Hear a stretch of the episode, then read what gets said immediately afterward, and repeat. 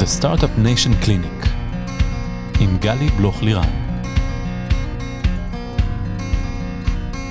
היי, כאן גלי בלוך לירן וברוכים הבאים ל Startup Nation Clinic, הפודקאסט שבו מדברים על ההיבטים המנטליים של המסע היזמי. כולם מדברים על ה roller coaster שכרוך בלהיות יזם, משהו שמדמה את ה sequence של מניה דיפרסיה. אה, איך מרגישים high מטורף כשהם מגייסים 100 מיליון דולר, ואיך מרגישים ורטיגו שלם כשפתאום מגיעה הקורונה. והמקום הזה, חוסר הוודאות הזה, הצורך לשמור על עצמנו כל הזמן ברמת ניהול עצמי גבוהה, אנרגיה גבוהה ועם חוסן מנטלי להתמודד עם הכל, זה ממש ממש לא פשוט. בכל פרק אני אשוחח עם יזמים, משקיעים, יועצים, פסיכולוגים ואנשים מהתחום, במטרה לתת מקום ללייר הנוסף הזה, שפחות מדברים אותו בקול רם, ההיבט המנטלי שמלווה את הדרך היזמית, וגם אשתף בעצות וכלים שיסייעו לכם לייצר פוקוס, בהירות וחוסן מנטלי כדי להיות יזמים מאוזנים שטוב להם. היום איתי כאן אה, גל שאול. אהלן גל. אהלן, מה נשמע? מעולה, כיף שבאת. שמח להיות פה. יופי. גל, אתה, ה... אני אציג אותך רגע. אתה CTO של אוגורי, סטארט-אפ שגייס כבר למעלה מ-100 מיליון דולר, אה, ופועל כבר אה, בעשר שנים האחרונות. לא מזמן סגרתם ראונד די של 55 מיליון דולר בהובלת קומרה קפיטל. אתה חיפאי מבת גלים, אב ליעל, ברק וחתולה. בן זוגה של דפנה, שהיא רופאה, ומנהל של האתר פה בארץ עם המון המון נשמה. וואו, איזה מרשים. כן, ניקח רגע לנשום את זה, הפרטים נכונים, הסומק בלחיים מקומי. זה, זה תגובה לא מקורית שלך, אני כבר שומעת אותה פה לא מעט. וואי, אנחנו נדבר היום על הרבה הרבה דברים, אבל ככה, בעיקר זה יהיה סביב איך מצמיחים חברה בהייפר גרוס כזה, מה עובר שם על שני פאונדרים שכבר עשר שנים ביחד, אה, וכל הדרך, אה, אומרים כל הדרך אל הבנק, כל הדרך להצמחת אה, חברה מטורפת. גל, קח אותי למה שקורה איתך בחודשים האחרונים, נתת לאיזה טייטל מעניין. אני אתן לך לקרוא, לו, לקרוא לילד בשמו.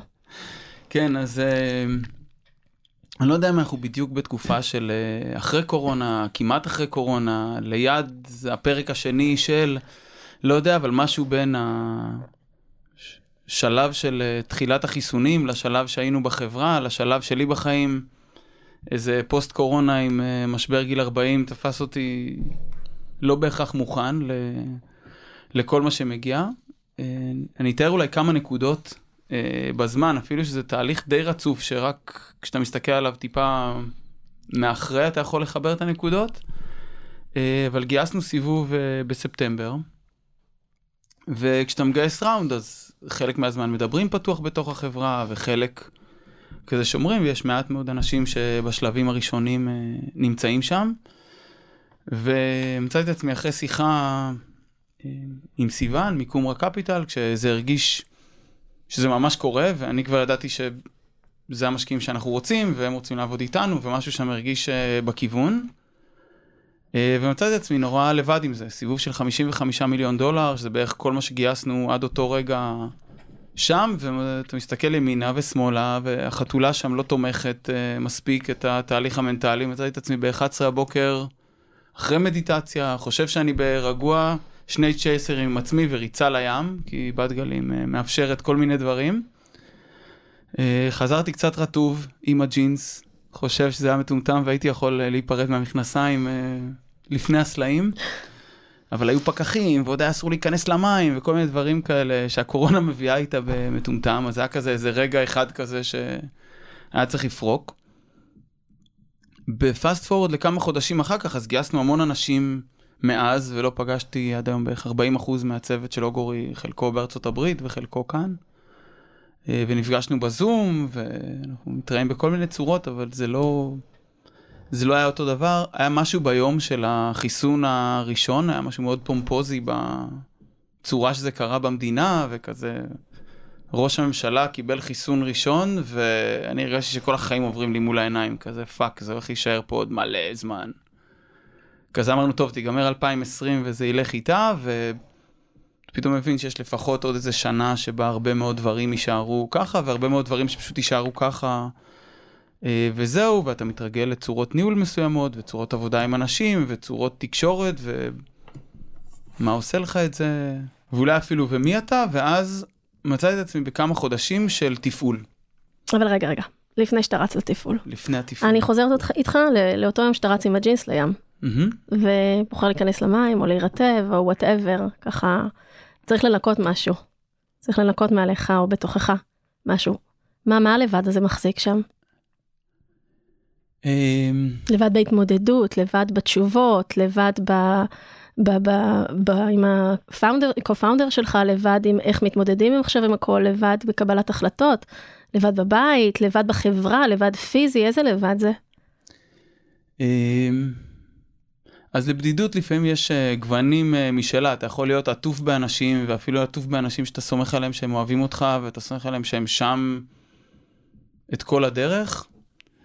אה, אבל יש איזה מסע כזה שאתה מחזיק עם עצמך, לא יודע, כזה איזה משקולת כזאת שיושבת, בטח בתקופת הקורונה, אבל גם לפני זה כזה, איך החברה תצמח, ומה תעשה עם זה, ואיך זה נראה אה, קדימה, ויש לך המון אלטרנטיבות, ואני חושב שבין סער וביני, ובכלל כזה בצורת העבודה באוגורי, עם עוד אנשים נורא מוכשרים שיש אה, סביבנו, הצלחנו לבנות כזה, טוב, אם יהיה ככה נעשה ככה, ואם יקרה אחרת נעשה אחרת, וכאילו, יש איזו מטריצה כזאת שאתה מחזיק, והיא נורא ברורה, ו scenario planning, כאילו, הכל מוחזק בתהליך. עד שכל הקלפים נטרפים. גם כשהקלפים נטרפים, אנחנו היינו כאלה מה... בשוק שלשמחתנו היה לו הרבה צמיחה בקורונה, ועם צוות מדהים, ועם הרבה מאוד אינפרסטרקצ'ר שבנינו לצוות, אפשר לגשת לזה קצת. אבל יש איזה לצרוח כזה, של כזה, טוב, עכשיו נורא ברור שזה הסצנריו הזה, והוא זה שרצית, ועם אנשים שאתה רוצה לעבוד איתם, וכזה דווקא בטוב, אבל להחזיק את זה כל כך הרבה זמן, אתה בכלל לא מבין שזה לבד עד שזה אחרי, או לפחות אצלי, כזה אולי קצת איטי. אבל כזה מחזיק, כל זמן שזה במלחמה לא שואלים שאלות, המוזות שותקות, ואתה פתאום כזה תופס את עצמך מתרומם מזה, וזה הכל עולה, ולוקח רגע עד שאתה מתאזן שם בין הבית לקייטנה לילדים, לחברה, לאיך עכשיו מתקשרים את זה, ואתה מבין שדווקא איזשהו מתח ירד שם בגיוס כזה. מה, מה היו, ה, נקרא לזה רגע, הסימפטומים, שזה זעקו לך ככה לשמיים, או שידעת לזהות שאתה, כאילו קורה פה איזה משהו, אתה צריך לשים אליו, אתה צריך לשים אליו לב ל, ללבד הזה, שהוא מתחיל לחלחל אליך, שהוא מתחיל ככה לשטוף אותך. אמ, אז, אז שם זה אולי איזה נקודת התחלה, כי עד אז הייתי במאוד מוחזק, ואני לא יכול להגיד שזיהיתי יותר מדי אה, סימפטומים, חוץ מלהחזיק את הבית במאוד מאוד קצר, ולהגיד שזה צריך להתנהל עכשיו כמו, לא יודע, כמו הספינה שלי בצבא כזה. אה, תוך כדי שמייצרים לילדים איזה safe space, אבל כל השאר היה שעות מאוד ברורות, והסברים ומקומות. וגם לא תמיד הכל מוחזק שם כמו שצריך, זאת אומרת, זה שלנו כהורים יש תוכניות, כן. הילדים פתאום יש צרכים משלהם. בטוח, ואנחנו כזה מראש לקחנו את המדינה בתור המלצה מודרכת, ועשינו דברים שהיו נכונים לנו. בתוך זה, הלבד הזה הרגיש שנאה ותיעוב לזום. יש לי הרבה הערכה לזה, ואני לא יודע איפה היינו היום בלי היכולת לעבוד ברימוט, אבל משהו בדברים... שספציפית אני הייתי צריך לעשות, וה... כאילו מין change management קבוע כזה בתור בן אדם, וכזה bringing people together, עובד כל כך אחרת בזה, והכל transaction. הכל כזה בקח ותן, ואי אפשר להיות מסוגלים לתת מלא, ואי אפשר גם מסוגלים לקחת מלא אם אתה צריך. הרבה מאוד אה, טרנזקציות קטנות כאלה בין אנשים. מצאתי את עצמי כזה בשיחות של הרבה אנשים. במקום להתעצבן או להיות כזה הבן אדם ה passionate שאני, שיש לזה דברים טובים ויש לזה גם לפעמים שזה... צריך להרגיע. ב over, אז לא התעצבנתי על אף אחד חודשים, הייתי disengaged ב mute בזום, הולך אחורה, לא יודע, מסתכל בפלאפון, כזה קצת מנותק. ומקבל החלטות בקרה, אז כאילו להחלטות או לתפעול וזה, הכל היה בסדר, חוץ מלהביא את עצמך all in, שבסוף, בסוף זה כל מה שנדרש מאיתנו, כזה, תביא את כל כולך ו... אתה, מדבר, אתה מדבר ויש לי את הדימוי, אתה מכיר את זה שבשדרה החמישית בניו יורק, ליד רוקפלר סנטר, יש שם אה, את הפסל של אטלס עם כל אה, כדור כן. הארץ על, על כתפיו. אז, אז אתה ככה, אתה מדבר וזה מה שעולה לי מול העיניים. ואתה אומר פה משהו נורא נורא חשוב, איך אתה, איך הזום וכל התקשורת הזו מצד אחד אפשרה לך לקבל החלטות קרות וחותכות, שזה אחלה ואפשר לתפקד ככה הרבה, אבל אז פתאום אתה מגיע to a certain uh, point שאתה אתה פשוט מבין שכאילו משהו, אתה שם בטכני, באופרטיבי, אבל בתחושה, במי שאתה, אתה בכלל לא all in, כל ה passion שלך הלך לאיבוד בדרך. כן, אז אני לא יודע אם כל, יש לי הרבה, לשמחתי יש לי הרבה passion, ובפרט לאוגורי, אבל כן, משהו שם נתקע ועצר, והיה צריך לחפש אה, חזרה גם מה גורם לי לפעול, ואיך אני עושה את זה, וזה לא על שעות, וזה לא על ימים, וזה לא על שיחות, אבל פתאום אתה מוצא את עצמך מאושר שמישהו ביטל שיחה בזום, וזה מישהו שאתה רוצה לעזור לו ולעבוד איתו, ואתם... אה, יש שיטענו שאתם אפילו חברים. אה, ואתה מוצא את עצמך מבסוט, לא יודע, שיש לו מישהו חולה במשפחה, או שמשהו נתקע לו, או שלא יודע, התפוצץ לו איזה ברז, ואתה כזה, יש שעה חופשית. אה, כי פתאום הרגשת שמשהו נרגש שם, קצת התאפשר, קצת לעצמך. התאפשר, הקפה פתאום לא צריך לדבר עם מישהו מול מסך, אפשר רגע להרגיע את העיניים, אפשר לשים uh, מוזיקה ברקע, וזה כל מיני דברים שכל מיני תקשורות קרו תוך כדי שהחיים קרו, לא יודע, הלכתם לאכול ביחד, יצאתם לסיבוב, יצאנו לרוץ ביחד, יש לי המון תקשורות שהן לא בהכרח באותו... בעמדה, בישיבה. פורמליות כאלה. אה, מול משהו, כן. תגיד, הסביבה, הסביבה שמה לב שאתה ככה קצת אה, אה, מתכנס, או קצת אה, מאוהר יותר, או קצת אה, פחות אה, קורן אה, מקודם? כן, הסביבה שמה לב, עם חלק מהסביבה גם אה, תקשרתי את זה, גם בבית, גם עם אה, שר, גם עם עוד אנשים שקרובים אליי אה, בחברה, וכולם היו זהירים קצת, לא יודע איך אה, להגיד את זה בדיוק, כזה שומרים עליך ומפנים לך מקום. ו... כאילו מפחדים, זהירים אתה מתכוון, מפחדים לגשת, או זהירים מפחדים להפעיל אותך עכשיו על כל מיני דברים? נראה לי גם וגם, פשוט כולם איך שאתה כזה מביא משהו כזה בתקופה כזאת, בגלל שגם קשה להתקרב, אז טוב, אז תעשה מה שאתה צריך, אז תיקח את מה שאתה רוצה, כאילו כל מיני כאלה שאלות. אה... שאלות בזהירות כאלה, לא ללכת עליך בדוך, עד שבאיזשהו שלב שר הלך עליי כזה, על הראש כזה, אתה צריך ללכת. שר השותף שלך, שהוא כן. המנכ"ל של אוגורי. שר הוא השותף שלי, המנכ"ל של אוגורי, אנחנו חברים אה, מהטכניון, הכרנו לפני זה. את אוגורי הקמנו עם בערך שלוש שנים של self-funded, אה, שזה מאפשר תקשורת מסוג אה, אחר. שר עבר לניו יורק בערך לפני חמש שנים. אה, ואנחנו עם אקזקיוטיב uh, קואוץ', שזה שם מכובס ליועצת נישואין, כבר בערך חמש שנים. התקשורת בינינו עוברת שינויים וצמיחה והעמקה בכל מיני צורות. תכף נחזור לזה, אבל ככה השר פתאום בא אליך ומה הוא שם לך ראי? אז אחרי כמה פעמים כאלה זה היה צא לחופש. כאילו, סבבה שאתה חושב שאתה יכול לפתור את זה כאן, אני גם מאמין לך שאם מישהו יכול זה אתה, ואין לי על התפעול ועל פרפורמנס ועל החברה להגיד לך שום דבר. זה לא זה. אבל כשאתה מחייך והעיניים שלך דלוקות, אז, אז כולם באים. ולשנים כזה קדימה, זה מה שאנחנו צריכים ביחד. יש לנו עוד הרבה דברים אה, לפרק ולפתוח, אז תצא לשבועיים, הכל יהיה בסדר. אז שר פשוט ככה, הוא פשוט ראה אותך, והוא הציב לך איזושהי מראה כזאת, ואפילו קיבל בשבילך החלטה. גל, צא לחופש ותפרק ותרכיב מחדש. כן, אז אה, אולי זה נאמר באחד פחות מתצא לחופש, אבל לגמרי, בטח במערכת היחסים בינינו, הכי, הכי החליטה עליי, אה, שהיה לי בשני העשורים האחרונים. אה, לפעמים אנחנו צריכים כזה לחזור להיות הילדים הקטנים ושנייה מישהו שיחליט בשבילנו, אפילו שאנחנו כבר גדולים והורים ויש לנו חברות. ו... כן, אז זה היה מין החלטה אה, כזאת, וגם באמון בינינו אני חושב, וגם בעוד מערכות יחסים שיש לי, זה היה כזה מאוד... אה, ברור, ואז ישר, אה, או לפחות במי שאני, ישר הולכים לאופרטיבי. טוב, שבועיים חופש בארץ, staycation, נכשלתי בזה בעבר, איך אה, כזה מצליחים אה, גם להתנתק וגם לעשות דברים משמעותיים, וגם לצאת מצד שני של זה, לא יודע, מחוזקים לעולם כזה, איך זה נראה. אה, אז התחלתי לצייר ולכתוב ולבנות ולשים לזה פרמטרים וגם את זה עשיתי במוחזק מדי אבל בתוך היו פרמטרים של פרפורמנס לתוך החופש? היה הכל, היה פרמטרים של אה, לבד ופרמטר של עם חברים ופרמטרים של עם המשפחה ופרמטרים של היה כל מיני דברים בתפעול והיה אה, גם כזה 30 אחוז unstructured רק כדי שיהיה אפשר למצוא לזה מקום ולהרגיש בנוח שאתה לא יודע מה קורה ביום שלישי ולהיות בסדר עם זה. ומה היה שם כן. ב-unstructured הזה? באיילנדס האלה, באיים האלה של השקט או של עצמך? אז היו כל מיני דברים מוזרים אה, שהיו לי מאוד טובים, היה לי איזה יום, נקרא לו יום כיף, for lack of a better word, עם אה, עופר שעושה כל מיני דברים, אבל גם אה,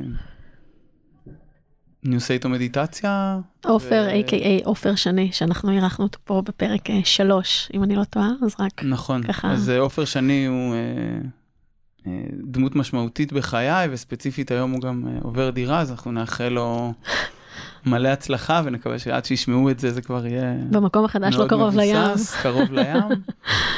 אה, אז בילינו כזה יום שלם ביחד, וזה היה קצת מדיטציה, וקצת הילינג, וקצת לנסוע על אופניים, וקצת להסתכל על כלי נגינה, וקצת לאכול, וקצת לדבר, ו... לא יודע, קצת להמשיך משם לים, פתאום יש יום כזה שאתה מסיים אה, קצת יותר קרוב לעצמך, קצת יותר, לא יודע, מחבר בין הלב לראש, ל...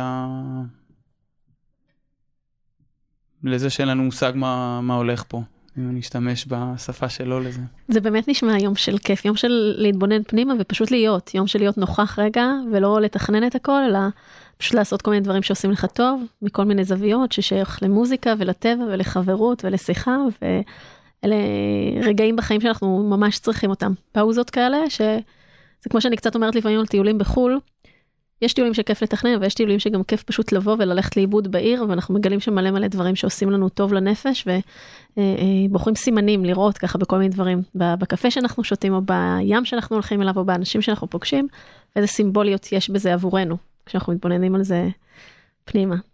כן, אז ממש כזה, וממש זיהוי כזה שבשבילי אני צריך הרבה, לא יודע, טבע ועיר הם אה, בשבילי יכולים להיות כל מיני דברים שונים, אבל צריך המון טבע בשביל אה, להחזיק את מי שאני בשלב הזה, כאילו שיש הרבה אחריות, ואני אגיד אולי, השלב הזה של חברות אה, בגודל הזה הוא שלב שיש לך הרבה מאוד accountability ופחות ופחות responsibility על היום-יום. משם אין לזה מילים מעולות בעברית, אבל נכון. זה מין, אה, לא יודע, אחריות שילוחית כזה. וכשהקשבתי לכל מיני פודקאסטים אה, מוזרים יותר ומוזרים פחות, זה כמעט אנרגיה של אה, סבתא כזה, או של סבא כזה. אתה לא עושה ביום-יום, אתה גם לא אומר מה לעשות ביום-יום, אתה כאילו אחד יותר מאחורה עבור רוב המשימות, ואתה מחזיק את ההגה רק כשצריך. אה, ואז להתמקם שם, תוך כדי שינוי כזה, תוך כדי הקורונה ובבית כזה, לקח זמן, ואני אישית לפחות הייתי צריך קצת זמן ללכת אחורה ולקרוא וללמוד ולחשוב. מה עזר לך אה, לעשות את הכיול הזה בעצם כיול מחדש אתה נכנסתם עכשיו לשלב מאוד משמעותי בצמיחה ואתה צריך באמת למצוא את המקום הזה שאתה פחות בתפעול אתה פחות בהנדס און על הדברים להפך אתה יותר ויותר מעצים אחרים. באמת לדעת לדייק לתת את הזוויות הנכונות כשצריך אז נגיד ספרים מיוחדים שקראת או גישות אה, מסוימות. אז יש כל מיני אה, כיוונים לזה, גם, אה, גם כשקוראים על צמיחה בחברות, אני באיזשהו שלב מצאתי את עצמי עכשיו בכזה סטורציה דווקא על ספרות אה, מקצועית, אה, ועל בלוגים ופודקאסטים מקצועיים, אפילו שלפחות בתוך אוגורי, כאילו אנחנו באמת כזה הכי חנונים בז'אנר. כזה את כל הקריאת חובה ל... לאיך מקימים סטארט-אפ לאן, הפודקאסט הלא הזה, את כולה עשינו more than twice, book clubs על הספרים הנכונים, ומצטטים אחד לשני מתוך הספרות כזה, הכי לבנות סטארט-אפ אקדמי כזה ב... בתחום, באיזשהו שלב זה היה לי בסטורציה לי, כאילו הרגשתי שזה לא מה שייקח את זה הלאה, וצריך לעשות איזושהי צמיחה אישית בזה, בלהיות יכולים לשחרר את האגו למקום שלו, בלהיות מסוגלים להסתכל על... איזה עבודה לעשות עם אנשים ואיזה, מי אתה רוצה להיות כשאתה ניגש לזה ומה אתה מביא לשולחן ולמה שמישהו the fuck ירצה לדבר איתך בכלל. מה זה באמת הטכנולוגיה? זה בגלל ה context העסקי שיש לך? זה כי הם צריכים, שאתה מצליח לפרק איתם משהו רגשי ביחד, וכל מיני דברים שכזה נה- הופכים, הם כאילו מתחילים בטריוויאלי, למה שידברו איתי? למה שלא? אתה מדבר מה, על, על עובדים, אתה מדבר? זה יכול להיות על עובדים, זה יכול להיות בחוץ, זה יכול להיות, כזה למה, מאיפה אתה יכול להניע שינוי, מאיפה אתה יכול לקחת את החברה לשלב הבא. אה, אפשר ללכת לכל מיני מקומות, ואז צריך לזהות בתוך ההנהלה מי לוקח מה, בין ה founders, מי עושה מה כזה, איך זה נראה כשזזים ביחד, ואז לדייק את ה curling הזה ביחס ל... למה כל אחד רוצה לעשות, יכול לעשות, נותן לו passion שזה הופך להיות כמעט לא עבודה, ולמה שצריך עכשיו, ואז אם מצליחים למצוא את זה, זה ווין ווין ווין כזה לכולם, וכשזה לא מצליח אז זה נורא קשה, שזה האמפ כזה לעבור כל בוקר מחדש.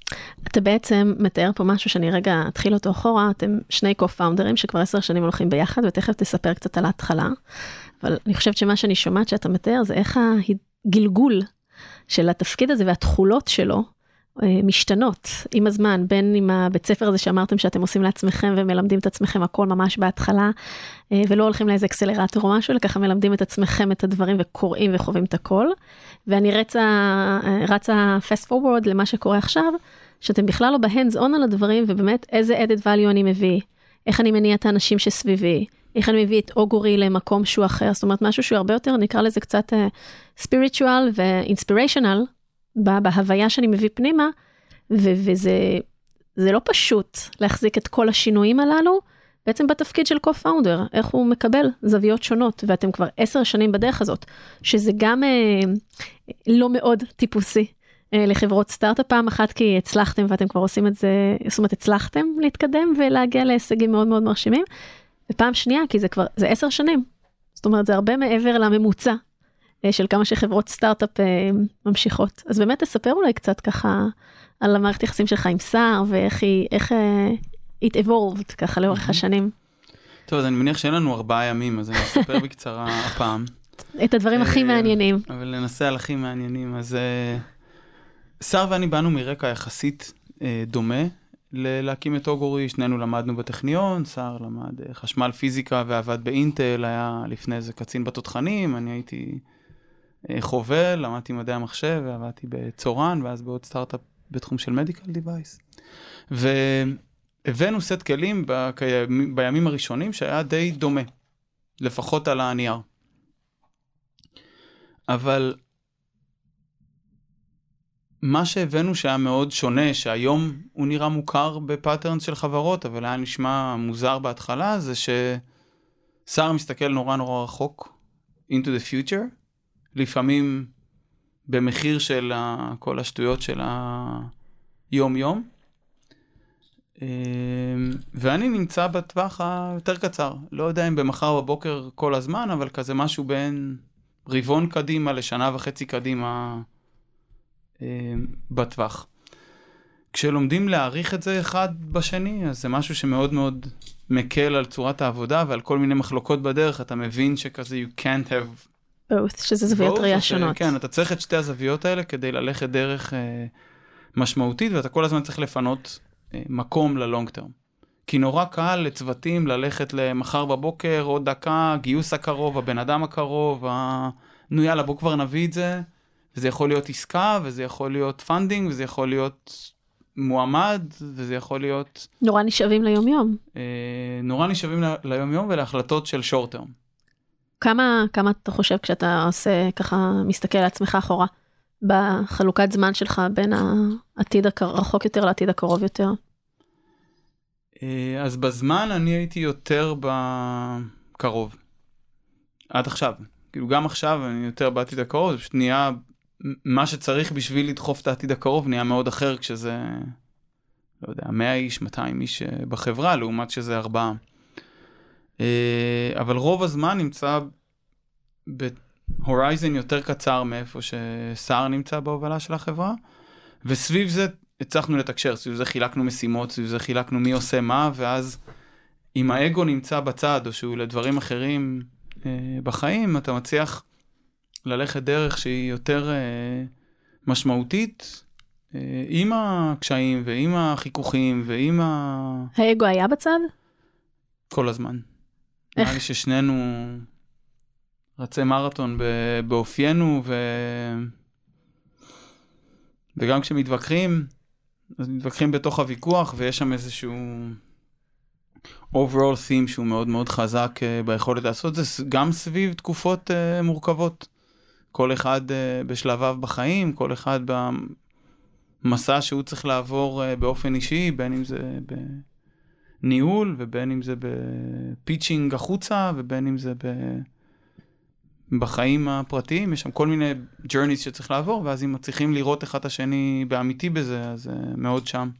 אז, אז אתה בעצם מדבר פה רגע על שני דברים, בואו נעשה להם כזה זום אאוט, שנשים עליהם, סליחה, פוקוס, שבמערכת יחסים ביניכם, דבר ראשון, הצלחתם מאוד מאוד לשים את האגו בצד, ובאמת לראות אחד את השני שם, ושתיים, שגם אה, אה, די יצרתם איזשהו גידור כזה, של להבין שיש שלבי חיים ותקופות ומה שכל אחד עובר, ומצד שני, כשיש לכם איזושהי הסכמה או איזשהו אתגר, אוקיי, אז בוא ניגש אליו רגע, בוא נתבונן, אנחנו מגדרים אותו ככה, ובסוף יוצאים מפה עם איזושהי החלטה וממשיכים קדימה. לא נותנים לדבר הזה להאפיל עכשיו על כל שאר ה... אה, אז בואי ננסה לשים אה, דגש ראשון על אה, לשים את האגו בצד. אין אנשים שרבים יותר ממה שאני אה, נכנסים אחד בשני ראש בראש, אוהבים לנצח, אוהבים לקחת את השיחה אה, לכיוון שלנו, אבל זה בתוך פריים. נכנסים לנושא מסוים, יוצאים מצד שני שלו מחוזקים לעולם, לא יודע. ובחזית אחת, ויש החלטות שאי אפשר לעשות עליהן דיסגרין קומית. צריך ללכת עד שיצא עשן לבן, לא משנה כמה זמן זה לוקח. זה שעה, זה שעתיים, זה ביום שישי, זה בשבת לפנות בוקר, זה בלנסוע לסער, לעשות שלושה ימים כזה אצלו במרתף על יותר מדי בקבוקי וויסקי ולחזור. תן לי דוגמה. לאיזה סיטואציה ספציפית, ממש שככה זכורה לך, של איזה אי הסכמה, איזו אי הסכמה מאוד מאוד מהותית ביניכם, ושהיה קשה להוציא שם את העשן הלבן. ככה תספר לנו קצת על הממש התמודדות תכלס. אמ, אז אני לא יודע אם זה על אי הסכמה, אלא על אה, קושי, היה לנו איזה פיבוט מאוד גדול שהחברה עשתה לפני, נגיד, שלוש שנים, כשעברנו מבניינים מסחריים להתמקדות יותר ב industrial. וזה דרש שינוי מאוד משמעותי בחברה, ב... ב... לאן הולכים, בצוות, בלמחוק, לא יודע, שליש או חצי מה pipeline, ולהחליט שזה ישנה את ה round הקודם, ולהחליט על צמצומים בחברה, היה המון החלטות אה, ביחד, וזה דרש המון אה, מנהיגות בחברה שדרשה את שנינו, וזה לא הסתדר בטוב, נפגשנו לישיבת בורד בסן פרנסיסקו, נחזור אה, כל אחד למקומו ונצא מצד שני. זה היה צריך לשבת בחדר ולסגור כזה כיוון ולוודא שמספיק חזקים באותו זמן כדי ללכת את הדרך הזאת, ואז ללכת בלא מתנצל בשבועות שאחרי זה. אה, כולל כמה ישיבות נוראיות בתוך החברה שצריך מצד אחד לא להסכים עליהם, כי כן היה שם רמה נמוכה בכל מיני דברים או כל מיני טעויות, ומצד שני כן לדעת שככה מתקנים או ככה מסדרים. זה יכול להיות סביב הבורד, וזה יכול להיות סביב ההנהלה, וזה יכול להיות סביב עוד אלמנטים בחברה, היה צריך ללכת את זה מאוד חזק. אני חושב ש... שמסתכלים על זה ב... מרחוק, זה אחת מהתקופות שהכי בנו את החברה ואת מערכת היחסים בינינו, אבל בפנים לפעמים זה נראה מה זה שיט. ובעצם וכזה אתה, איך מחר בוקר יגיע, ואולי מישהו צריך לעזוב, ואולי אתה לא מתאים לתפקיד יותר, ואולי אני לא מתאים לתפקיד יותר, וכאילו נהיות תהיות אה, אמיתיות כאלה. אמיתיות כאלה. ואתה צריך ללכת אחורה ולתקשר לכולם, גם טוב, שר עכשיו הולך להיות יותר החוצה, ואני הולך לקחת את זה, ואנחנו נעשה ככה, והוא יעשה ככה, והסמנכ"ל כספים יעש- תעש- תעשה ככה, וכזה לפתוח עם יותר אנשים כזה את השינוי. אה, אז אני אתן את הצד הזה. בצד השני אני אגיד לתוך אוגורי, אולי גם ל- לכל מי שבפריפריה שלנו. אה, מעט מאוד אנשים יודעים מה נכון להם, ינסו להיכנס ביני ובין סער באמצע. זה לא מומלץ. אה, לא מומלץ לעשות את זה. כן, not a pretty sight. אם זה קורה, יכולה לבוא ביקורת ויכולה לבוא, יש הרבה דרכים ללמוד. משם כל עוד כזה אתה משאיר את הפוליטיקה ואת האגו לדברים אחרים, לא יודע, תתווכח על פוליטיקה, יש בחירות עוד מעט, תריב שם. גל, אז תגיד, איך אתה ושר מתחזקים את כל הדבר הזה, ובכלל, איך אתה מחזיק עם עצמך את כל העומס המנטלי המאוד מאוד גדול שיש בלהוביל חברה במימדים כאלה? אמ, אז אני חושב שזה מתחיל ב mindset. אני חושב שיש שם איזה נקודה בלהבין שהעבודה שאתה צריך לעשות על עצמך ב personal ועבודה professional הם כמעט מתחרות אחת בשנייה בכזה ראש בראש. אמ, אני זוכר שלירון מהצוות people שלנו בארץ אמרה לי באיזה יום, תשמע, אפילו הבעת פנים שלך היא לא שלך יותר. כאילו זה של כולם, אם אתה מגיע טרוד למשרד, זה בכלל לא משנה אם זה כי, לא יודע, כואבת לך הברך מהאימון ריצה, שעברת את היד מהג'יו-ג'יצו, או שעצבנו אותך בבית. אתה מגיע ונראה טרוד, אז זה נראה שהחברה הולכת להיסגר, כי הולך להיגמר הכסף, ככה מפרשים אותך בחוץ, או כשאתה נראה מאוד מבסוט, אז הכל נראה בסדר וכולם uh, יכולים להתקדם. זה לא על בן אדם אחד וזה לא על נקודה אחת, אבל ההבנה שמה שאתה מביא כזה ייצור הרבה שינוי סביבך, אה, הוא מהותי, ואז העבודה על זה צריכה להיות בהתאם משם. יש הרבה נקודות אה, מורכבות והרבה פינות כאלה אפלות אה, כמעט בכל יום. אה, כשלא הצלחת לשלוט על הטמפר ולא הצלחת להסביר מה אתה רוצה, או כשנכנסת במישהו שלא בצדק, או שלא לצורך, או שזה לא תרם כלום, ואתה כזה שלושה ימים מסתובב עם uh, תחושת uh, גבר מכה עם עצמך ואוכל עליה סרטים קצת. שר ואני עם אקזקיוטיב קואוצ' הרבה שנים, הייתה לנו מישהי נפלאה בארץ, והיום uh, היא הלכה לסטארט-אפ אחר ולקחה שם משרה מלאה, ואנחנו עובדים עם מישהי בארצות הברית uh, הרבה שנים. מה זה נותן לכם? אה, קודם כל זה נותן לנו מסגרת. אה, לדבר בה ולהקשיב בה ודיונים structured גם על מערכת היחסים בינינו, שלקבוע שיחת פאונדר זה... על בואו נדבר על מערכת היחסים בינינו, לקח לנו זמן ללעשות אה, לבד, אולי אנחנו היום מסוגלים לזה יותר, אבל שני יזמים טכנולוגיים פעם ראשונה, בואו נקבע לדבר על איך אנחנו היה... מרגישים. הרגיש מוזר. כן, על איך אתה מרגיש, על מה אתה זה, מה עובר עליך, איך אתה ישן בלילה, כל מיני שאלות כאלה שמתחילות מוזר, over time זה כזה נהיה בסדר. זה כן לדבר על, על ההנהלה, שגם זה נושא מאוד חשוב אה, לדון בו, ואיך זה הולך להתפתח, וזה מערכות יחסים מורכבות, והן לוקחות גם מהמערכת היחסים בין ה founders מקום, וגם כזה בפני עצמם. וכל אחד יש לו איזושהי עבודה עצמאית גם לעשות, מעבר למשוב הזה שניתן, והרבה עבודה בתוך הצוות, יש גם איזושהי עבודה עצמאית שכל אחד צריך לעשות, ואז אתה צריך לתחזק את זה, לפחות במקרה שלי, עם הרבה ספורט, וקצת מדיטציה, ו... אולי קצת אלכוהול לפעמים, אולי קצת יותר ממה שאני... שבא לי. אמ, אבל היכולת לדבר על זה ולפתוח את זה בכל מיני מקומות שאתה מרגיש בהם בנוח. זה יכול להיות עם אנשים בתוך הצוות, וזה יכול להיות עם אנשים מבחוץ, וזה יכול להיות עם אה, פסיכולוג שלך הרבה שנים. אני חושב שזה משהו מהותי, ושכל אחד ימצא את המסלול שלו. זה יכול להיות אה, בכל מיני אופנים, אבל למצוא את הדרכים להוריד סטרס, בטח לאנשים הסוערים בינינו. אוקיי? יש כל מיני דמויות בסטארט-אפים, ו... פאונדרים הרבה פעמים באים מהצד היותר סוער של המתרס, כי זה הסיבה שהם הלכו למקום כזה וחוסר שקט uh, מובנה, ואז צריך לעבוד בזה. זה לא שיהיה לכם שקט מזה, זה רק יצא ליד. Uh, מין שאיפה לשקט כזאת שהיא די רועשת. יש לך, יש לך איזה דוגמה לאיזה אינטראקציה ספציפית שזכורה לך, או, או תהליך ספציפי שזכור לך, שממש ככה הגעתם שניכם סוערים, וה... נקרא לזה הטיפול הזוגי הזה עזר לכם ככה לפרק את הדברים ו... ולבנות? אמ, היו כל מיני, בטוח אה, אה, סיטואציה סביב הפיבוט שנגעתי בו. קודם, אז היינו אה, מאוד סוערים, והסוער שלנו הוא נורא שונה. אני יכול לצעוק ולהתלהם ולהתרגז וללכת משם, ושר לפחות בסיטואציה הזאת, הלך ליותר מכונס ויותר שקט ויותר אה, סגור, אולי יותר לבד קצת. ואז נורא קשה, לא, אפילו לא אותה אנרגיה מגיעה לשולחן כדי להתפוצץ אחד על השני, כי אין... זה לא מתכנס, זה... אתה חץ החוצה, הוא חץ פנימה, וזה רק מרחיק את הפער עוד יותר. כן, ואולי בתפקידים שהיינו צריכים לעשות באותו זמן, הוא היה צריך ללכת יותר החוצה וכזה לפנות לשוק, ואני הייתי צריך ללכת יותר פנימה ולפנות לחברה, ואז היינו צריכים ממש להפוך את ההתכווננויות. אה, של שנינו, היה צריך להיכנס לאותו חדר, לשבת, לדבר על זה הרבה שעות, זה לא קצר, אה, ולפרק את זה בהרבה מעגלים. זה גם בתוך, ה... עם האקזקיוטיב קואוץ', או גם בתוך התהליך אה, טיפול של זה, להצליח לדבר על אה, מה רוצים, מה מרגישים, לאן לוקחים את החברה ומה צריך לעשות, וגם בהמון המון המון מרחב אה, מסביב לזה. בלשהות קצת זמן ביחד, ובללכת לאכול ביחד, וללכת לפרק את זה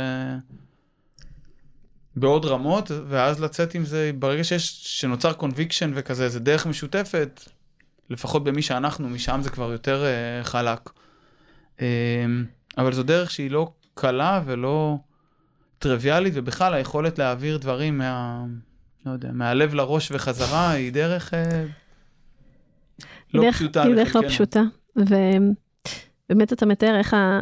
גם, גם לדעת לפרק את הדברים ברמה הרציונלית וההגיונית, אבל גם לדעת לתת לרגש מקום, וכמו שדיברת על השהות הזאת, לתת להם את הזמן, את המקום כדי לעבד אותם בעין, ואז לראות איזה רזולושן יש שם שאפשר איתו להתקדם אה, קדימה, ואנחנו לא תמיד יודעים לעשות את זה לבד. נכון, גם יש לנו bias בתור אנשים שאם מישהו סוער הוא טועה. אה, טוב, אם הוא צועק, הוא טועה, אם היא בוכה, היא טועה, אם היא... כאילו, אז זה בטח לא נכון. אבל זה לא, או אם מישהו יש לו טיעון יותר חזק, הוא יותר מהיר מחשבה, הוא יותר מדויק במילים, אז, אז זה ה... זה השייטת, ו... ואנחנו צריכים לדעת אה, לעצור שם רגע ולשהות בתוך המקומות האלה, ולדעת לקבל להקשיב, את עצמנו שם, להקשיב, לעצור, לפעמים לעצור ולחזור אחר כך אה, שוב, לתת לאנשים שיש להם קצת יותר אופליין וצריכים את זה בכתוב או בלקרוא אה, את מה שהם, את האנשים שסוערים ללכת לשתות כוס מים, לחזור מצד שני של זה באמת לתוך הנקודה, כי יש שם נקודות אה, מהותיות ולפעמים זה overwhelming קצת, אז נכון, צריך ו- לדעת לעבוד בתוך זה. נכון, וגם אני תמיד אומרת שזכות התגובה שמורה לאחר כך. זאת אומרת, אנחנו לא חייבים להגיב באותו רגע, לא סתם אומרים לפעמים שצריך לישון על זה בלילה, כל אחד עובד בקצב אחר, לפעמים צריך טיפה לתת לדברים זמן ומקום לעבד אותם, ואז בעצם לחזור ולראות איך פועלים. אז, אז אולי אם יש. מסר של החלק הזה שאתה ככה נותן, זה כמה חשוב באמת את הדמויות הפנימיות, החיצוניות, הפסיכולוג, היועץ, הקואוץ', כל אחד ומה שעובד לו, אה, כדי לקבל את התמיכה הזאת, כי התמיכה היא מאוד מאוד חשובה כדי לצלוח את הדרך הזו. התמיכה היא מאוד חשובה וגם היכולת להיות עצמך. שאם היית סוער כרגע, אז היית סוער ולא עכשיו ל- ל- להיתקע על זה הרבה זמן. ואם היית שקט מדי באיזה פגישה ואתה, אוי הייתי צריך להגיד, אז תתקשר אחר כך ותגיד שזה הולך לכיוון אחר.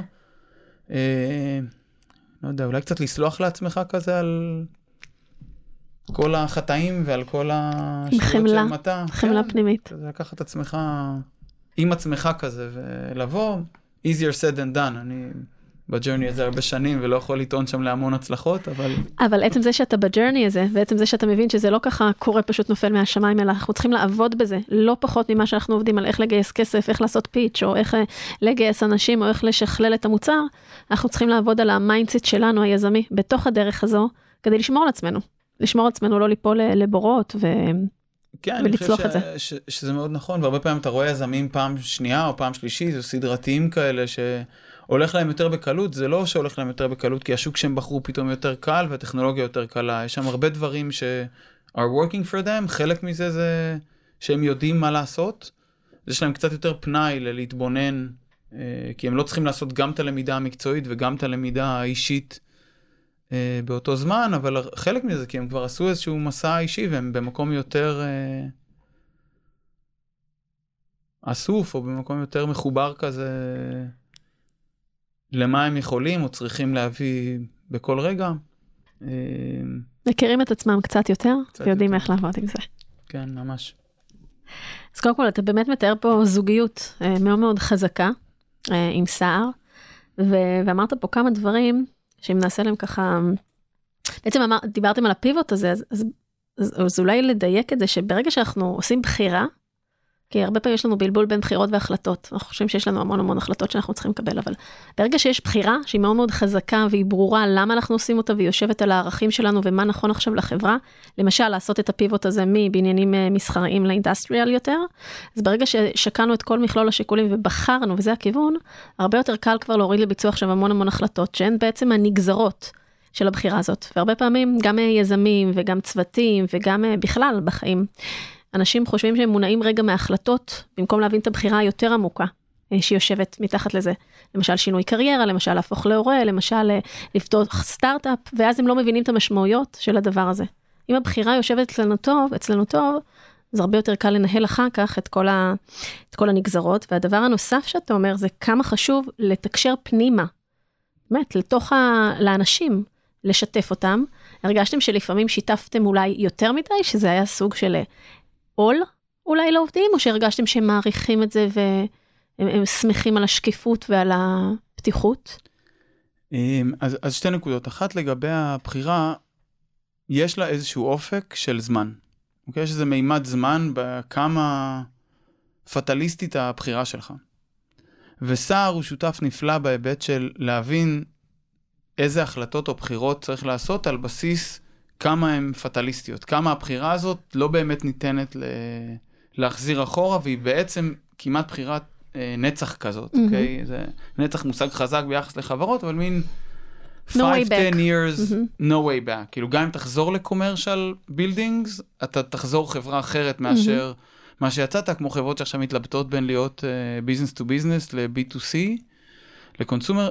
אם הם ילכו דרך של B2B, הם לא יוכלו לחזור ל consumer באותה דרך, הם יחזרו אחרת, מידת mm-hmm. ה quality בחברה תהיה אחרת, ה risk management שלהם יהיה אחר, התפיסה שלהם של customer success תהיה אחרת, כל מיני דברים שאתה עובר דרך וזהו, אתה כבר מישהו אחר, עכשיו תחזור לאן שאתה רוצה, אבל אתה כבר לא אותו חברה, לא אותו entity ביחס לזה.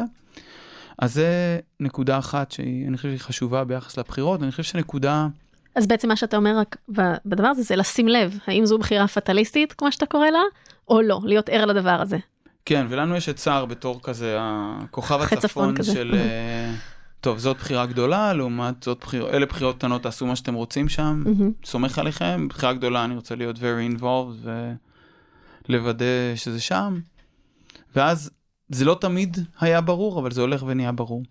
הנקודה השנייה לגבי שיתוף של הצוות, אז אני מאמין שמי שבא לסטארט-אפים בא בשביל השיתוף ולא בשביל המשכורת, או אם הוא בא בשביל המשכורת אז שיפנו אליי אחר כך, נציע להם דברים יותר קלים לעשות מלעבוד בסטארט-אפ, אבל יש משהו בשיתוף שהוא לא רק overshare של information, הנה תראו היינו שקופים, הנה מידע, אלא מה הנרטיב, שאותו אתה בונה, איך אתה מתקשר את זה, האם זה קונסיסטנטי, צורת התקשורת שלך לצוות, כך שהם יודעים למה לצפות, גם אם זה דברים קשים, ואז אתה יודע שיש בריף כל כמה זמן שמגיע, ואז בתוכו יכולים לעלות דברים הכי קשים, זה עדיין במסגרת שמוכרת לך.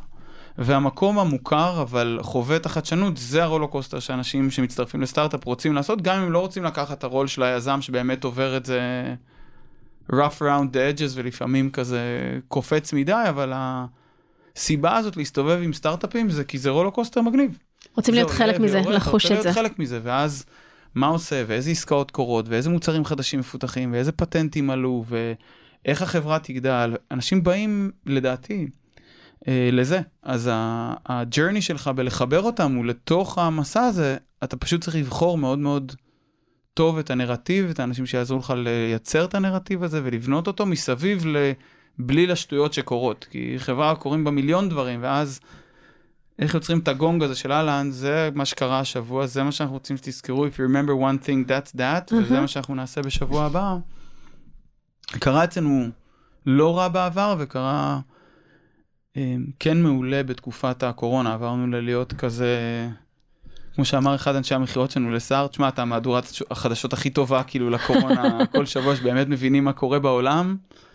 אה, זה שם, ובטח כשזה כזה אנשים חנונים שאוהבים data, אז מגיעות סטטיסטיקות מעולות על מה קורה בפנים ומה קורה בחוץ, ואיך macro trends נראים, ואז אתה מצליח באמת להבין עם מה אתה מתמודד בכל שבוע, וזה באמת היו שבועות כזה מסוף פברואר בשנה שעברה ועד עכשיו, שבאמת קרו דברים dramatically different ברמת השבוע, לפחות עבורנו בתור אה, חברה או צוות, וזה אה, מסע כבד, אבל אה, עדיף לקחת אותו, אני חושב שאולי זה גם באמונה קצת, אבל כשאתה מתייחס לאנשים בתור אנשים מבוגרים, יש לך סיכוי לקבל חזרה יחס של אנשים מבוגרים uh, as well, ומתייחס לזה בתור ילדים ורק לא להפריע להם ביום-יום, תקבל קצת כזה גם.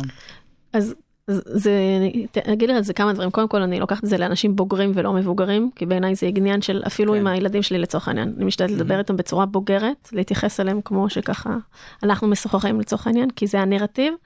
ואתה בעצם ככה המשפט שאמרת מהדורת החדשות הטובה ביותר זה זה הפיד.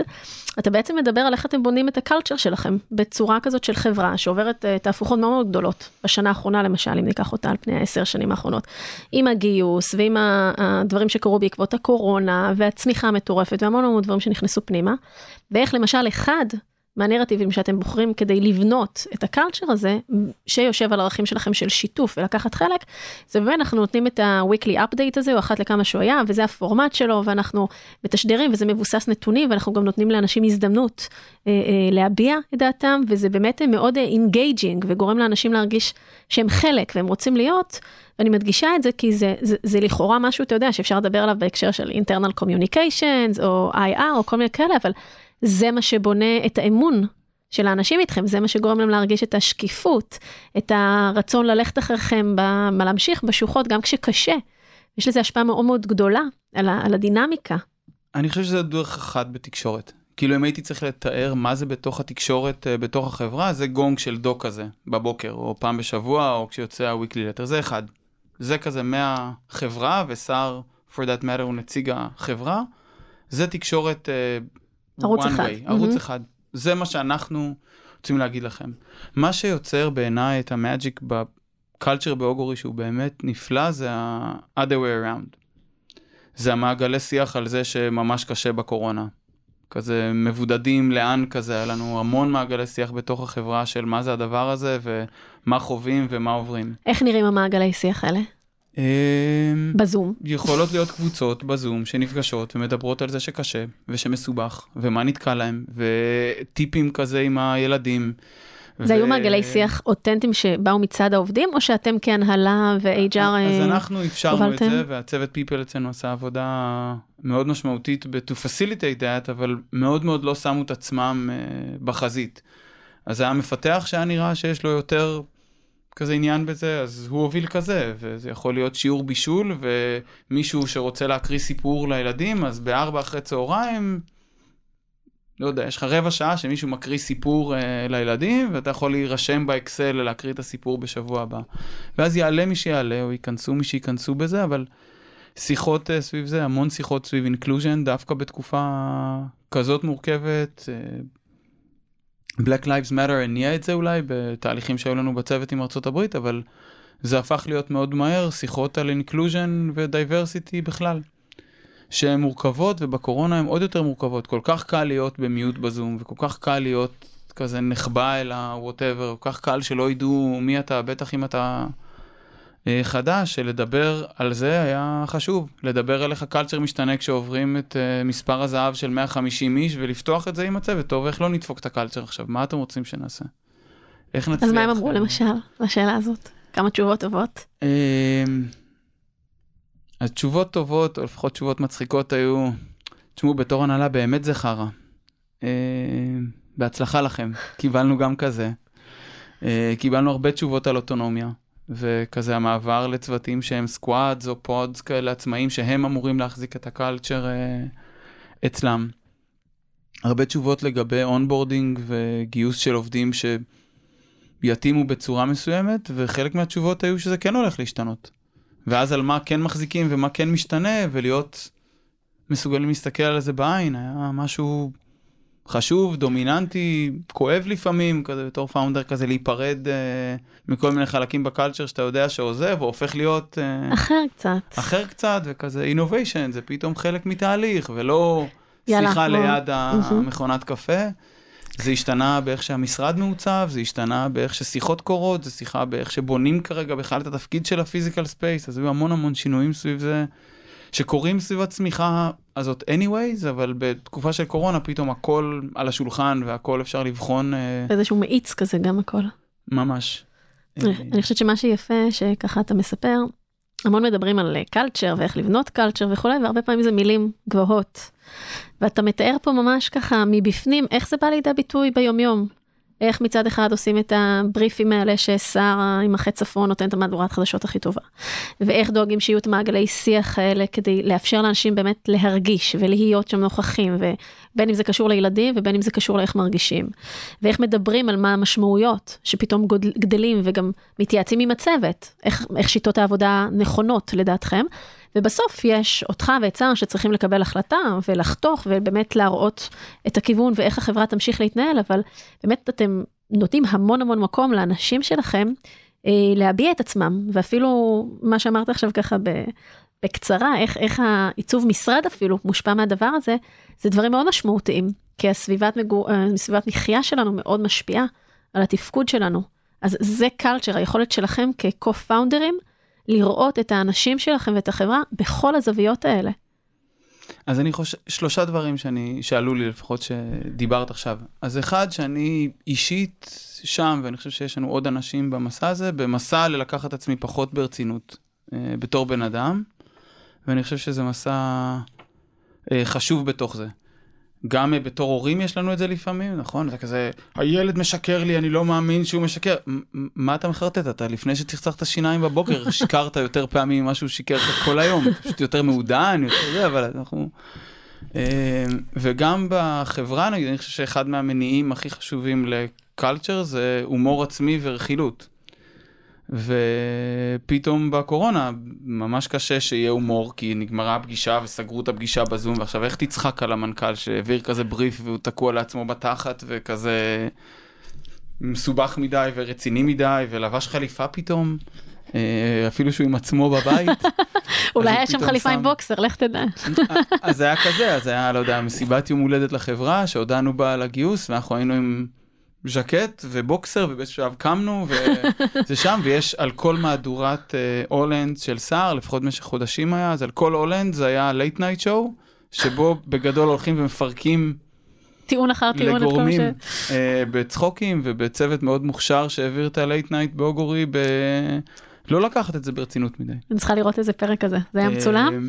זה רץ בערוץ של החברה? אני חושב שהרבה מזה מצונזר והוא לשימוש פנימי בלבד, כי יש שם הרבה טוב גל, עכשיו אנחנו כבר... content אחר. אבל כאילו יש משהו בכזה, לא לקחת את עצמך מאוד ברצינות ולדעת שה culture אתה יכול להיות, או באחד הספרים החביבים עליי, אז כתוב ש... איזה? Powerful של על נטפליקס, אז כתוב ש culture זה 80 אחוז, founder זה 80 אחוז הצוות. אז כזה, ולפחות לפנות לזה המון המון מקום. ולוודא שזה באמת מגיע מאנשים ולסמוך על זה שהבאת אנשים שהם כל כך טובים שהם ה culture בעצמם ושיש לך רק מקום, או הרבה מהמקום שלך בפסיליטיישן של זה ולא רק בלהיות ההוא שאומר תהיו טובים, תהיו אבירים, תהיו חזקים, כאילו אלא המקום שהוא יותר אותנטי נראה לי שהוא מאפשר כל מיני דברים. זה מאוד מתחבר למה שאמרת קודם, שחלק מההתקדמות או צמיחה של סטארט-אפ לחברה בממדים כאלה, ואיך הכיול של התפקיד שלכם כ-co-founder משתנה ושצריך לזוז, לזוז קצת הצידה, זה בדיוק זה, להעצים את האחרים, לסמוך על עצמך שגייסת אנשים טובים, שדרך אגב בשלבים האלה זה כבר לא אתה מגייס, אז יש הרבה אה, אה, צוותים אה, וצוות של הפיפל שעושה את זה והנגיעה שלך היא פחות כבר בכל אחד ואחד כמו שהיה בהתחלה. באמת לסמוך על הבחירה הנכונה של האנשים להיכנס לחברה ולעזור לכם להמשיך to get this going בכיוון, בכיוון הנכון. כן, אז יש איזה אלמנט בזה שבו, עוד פעם, על לקחת את עצמך ברצינות מדי, יש איזה אלמנט שבו אה, מתמכרים לפעמים למטריקות העסקיות.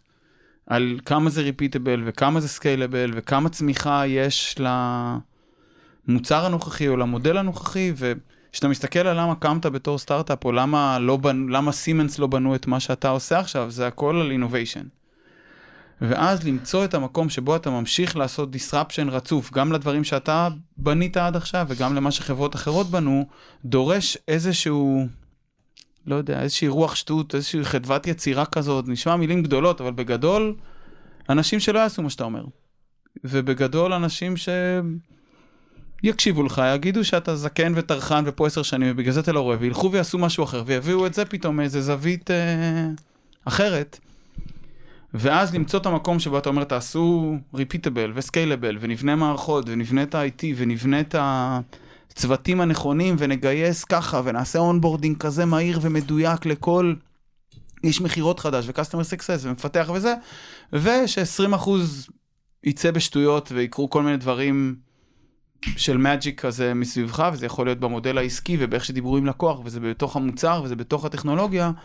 למצוא לזה מקום, בטח בתקופה כזאת שהכל כל כך transactional בקורונה, היה מאוד מהותי עבורנו, והוא גם לוקח toll לא קטן, אתה מוצא את עצמך בתור founder, או לפחות בתפקיד שלי, מחלק את הזמן בין לבנות ולהרוס באופן uh, די שוויוני, כאילו כן בואו נבנה לסקייל ואתה זה שהולך עם איזה צוות קטן והורס מהצד וסומך על זה שהבאת אנשים שיבנו יותר טוב ממך.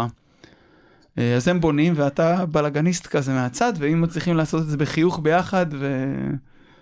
uh, ולבנות את זה אז זה עובד טוב, אם לא זה נראה מאוד מאוד אינטנס uh, ואתה כזה מואשם בזה שאתה הורס לכולם את החיים, את הבריאות. ויש מזה ומזה. כן.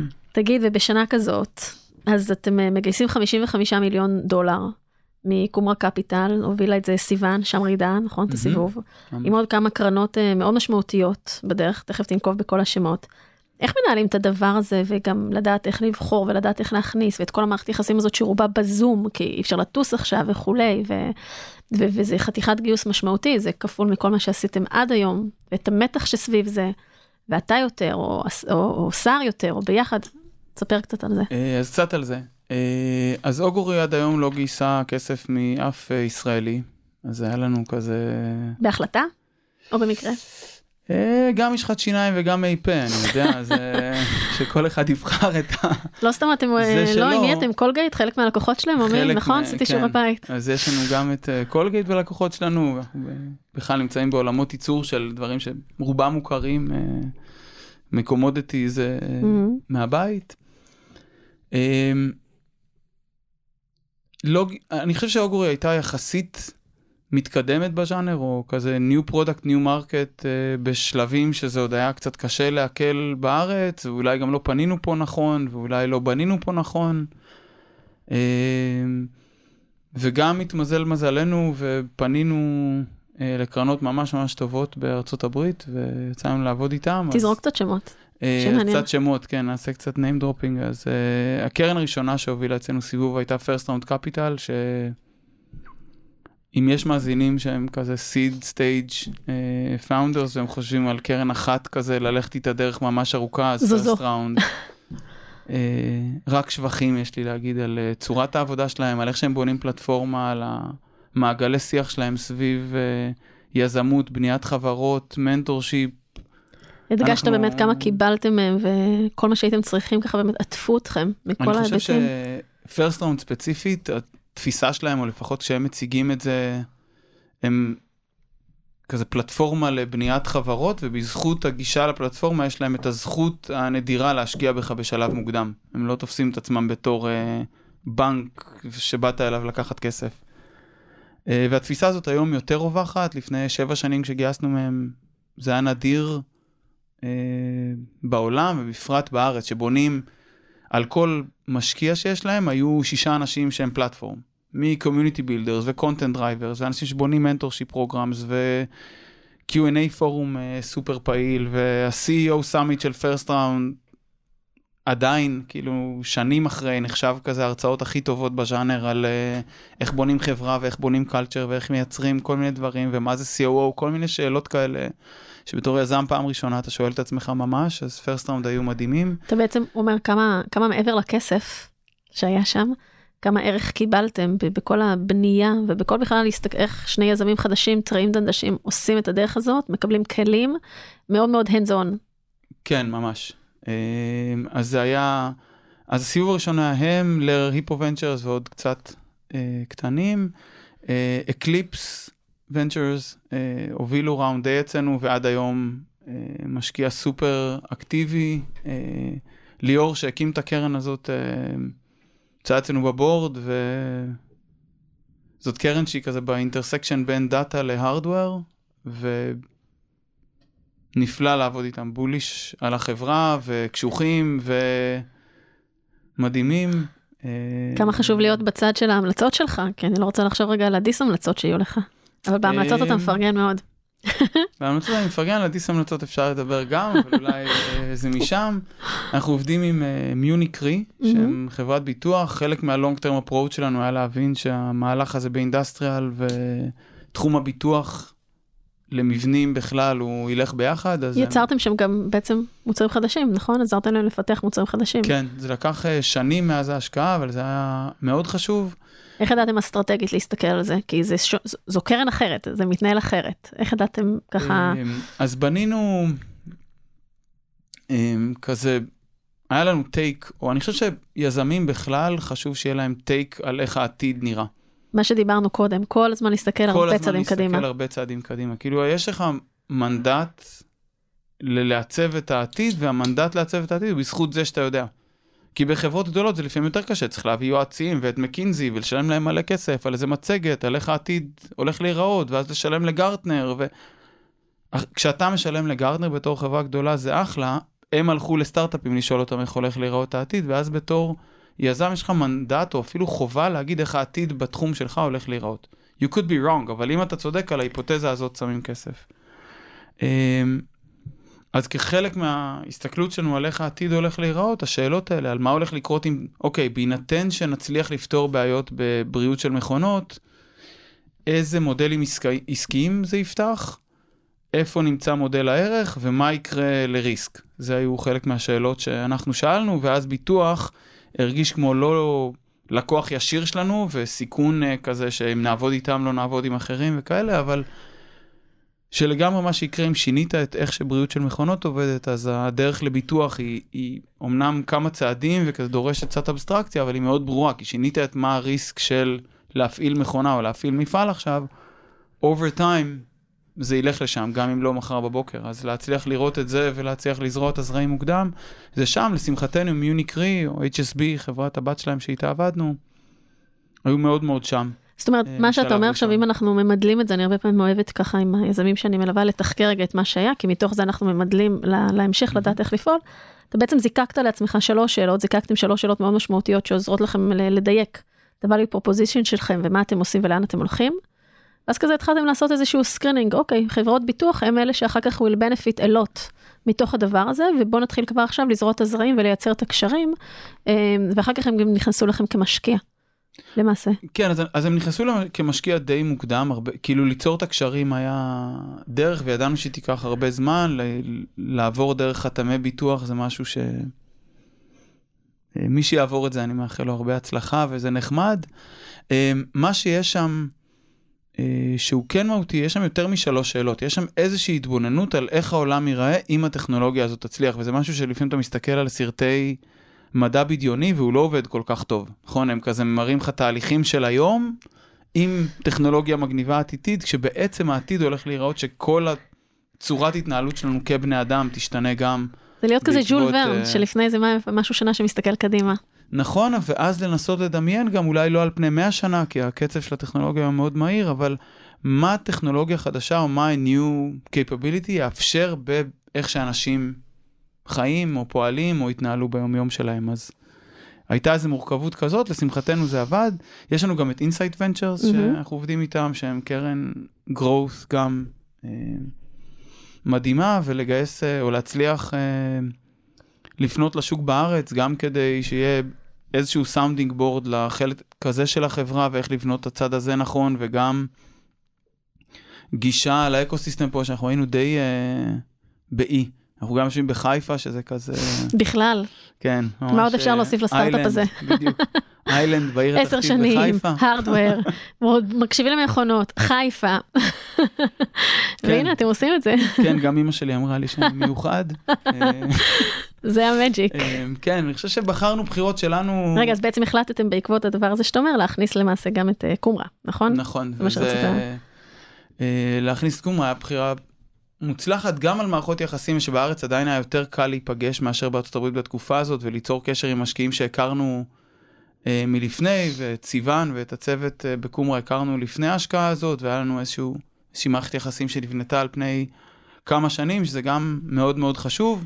וגם עכשיו אנחנו נפגשים יותר מהממוצע, ישראל עובדת קצת יותר טוב ב face to face ועם תנועות ידיים מאשר אה, בזום. אז אם אני רגע עושה זום uh, אאוט לכל הדבר הזה, ואתה מתאר פה קרנות מאוד מאוד משמעותיות בכל העולם, אם ככה אתה נותן איזה שלוש עצות זהב, נקרא לזה, כי באמת הגעתם, וגם הגעתם לעוד קרן, נכון? גם לקרן לסאונד ונצ'ר, זה גם נכון, והיו עוד כמה בדרך, אז כן. איך, איך ככה שלוש עצות ממש ככה מיזם שעשה את זה בעצמו, שעשיתם את זה בעצמכם, איך הצלחתם uh, to nail it עם שמות כאלה משמעותיים, וגם לא היה ברור מאליו בהתחלה בחברה מהסוג שלכם שתצליחו לקחת אותה ככה לשמה, מבחינת המוצר והכל, זה לא...